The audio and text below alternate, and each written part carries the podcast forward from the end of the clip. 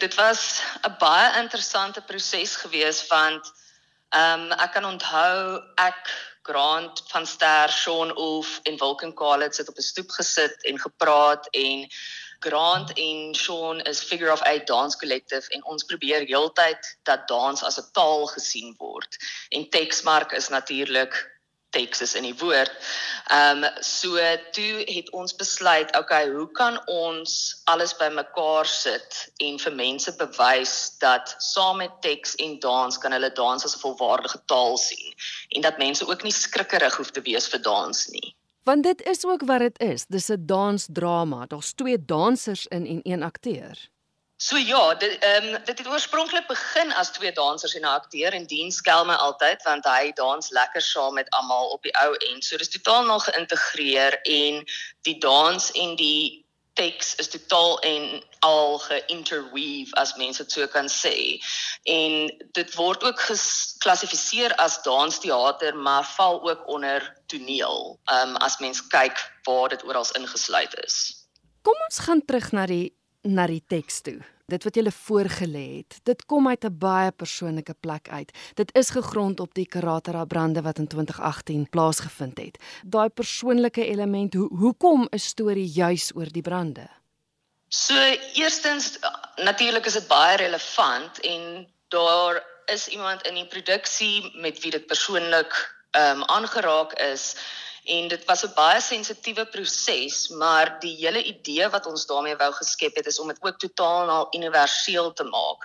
So dit het begin vanaf 'n persoonlike punt af, maar dit totaal en al oop en wyd versprei geraak dat dit handel oor die verlies van familie, tuiste, gemeenskap, grondgebied, kyk na die sosiale geskiedenis, gemeenskappe in die area en ook hoe politieke en media elemente die tragedie uitbuit of nie. So al was die oorsprong baie persoonlik geweest, is dit nou 'n totale universele stuk waarby soveel mense hulle self kan vereenselwig. En ek dink die ander ding is 'n natuurramp is so 'n uh, iets wat glad nie beplan kan word nie, maar wat 'n mens amper half, ek wil sê, baie gereeld sien wat gebeur. So dit was die ander baie spesiale element daarvan. Jy het nou genoem van die politieke en en media inmenging of dan nou nie. En dan ook ras en sosiale geskiedenis speel ook 'n baie groot tema. Hoe's dit verweef in die klankbaan want dit het ook 'n uh, spesiale storie. Ja, ek voel die klankbaan is iets wat amper half nog 'n karakter speel in hierdie stuk. Ehm um, dit is gedoen deur Gideon Lombard wat ook die regisseur en die teaterontwerp gedoen het.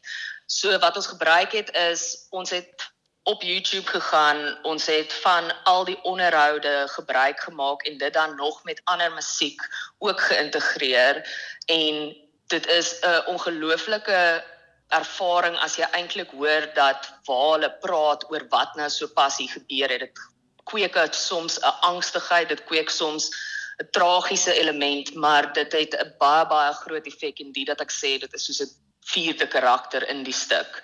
Maar ehm um, ja, mense was nogals by KAK&K het baie baie van daai element gehou. Vertel my van die twee skrywers of eintlik dan 'n nou koreograwe. Ja, so ehm um, dit is eintlik geskryf deur ehm um, Sean Ulf en Wilken Khalid. So Wilken Khalid is bekend as musikant en skrywer en Sean Ulf is um, in my opinie een van Suid-Afrika se beste dansers. En um, dit was 'n baie ehm um, ook 'n geïntegreerde proses waar hulle lank gesit het en gesprekke gehad het want die hele aspek is ook dat beide van hulle dra by twee verskillende kultuurelemente en dit was 'n storie wat hulle saam geskryf het met baie workshop periodes in en navorsing en verskriklik baie media goeders wat gekyk is online. So ehm um, dit was 'n baie spesiale proses en die ander element wat ingekom het is toe ons dit aanvanklik ingeskryf het vir teksmark, dan moet jy op 'n manier die dans element in teks skryf. So dit is waar Sean Ulf ook baie prominente rol gespeel het want weer eens Vulcan is nou nie aan die danskant nie. So uh, dit was totaal 'n al 'n gesamentlike proses wat eintlik baie mooi organies toe gebeur het. Jy het nou genoem van Dean Bali wat nou nie net kan toneel speel nie, maar ook moet dans. Wie is saam met hom op die verhoog? So dis Dean Bali, Grant van Ster en Sean Wolf en ehm um, ja, soos ek gesê het, Grant van Ster en Sean Wolf is ook bekend as Figure of Eight Dance Collective. Grant van Ster um, het al baie ook saam met David Kramer gewerk as koreograaf en Dean Bali bring natuurlik sy totaal en alle eie element tot die storie ook as ek dink aan ons rehearsals is daar baie gelag vir al die dinge wat Dean aanvang. En ehm um, ja, mens moet hy's amper so half daai triple threat soos wat ek ook wil sê. So dit is 'n kombinasie van drie uitsonderlike akteurs, dansers op die verhoog. So dit is wat dit net dadelik so so maklike proses gemaak het om saam met hulle te werk.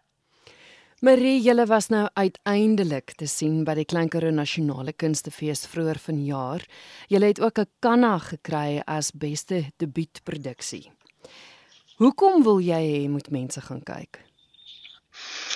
Ja, ek moet sê ons was totaal nou oorbluf met die uh reaksie tydens KAK&K.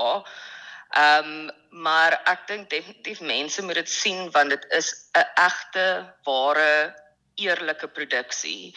Dit is nie 'n produksie met 'n uitspattige stel of iets nie. Dit is letterlik die teks, die mense en die dans spreek. En my groot ding met dans is dit dit kweek 'n gevoel. En as jy enige iets voel, of dit bang is of dit gelukkig is of dit mooi is of so, dan het dit al klaar sy doel bereik. So dit is 'n totaal amper wil ek sê gestrope stuk en daar's nêrens om weg te kruip nie. So wat jy sien is dadelik wat jy voel.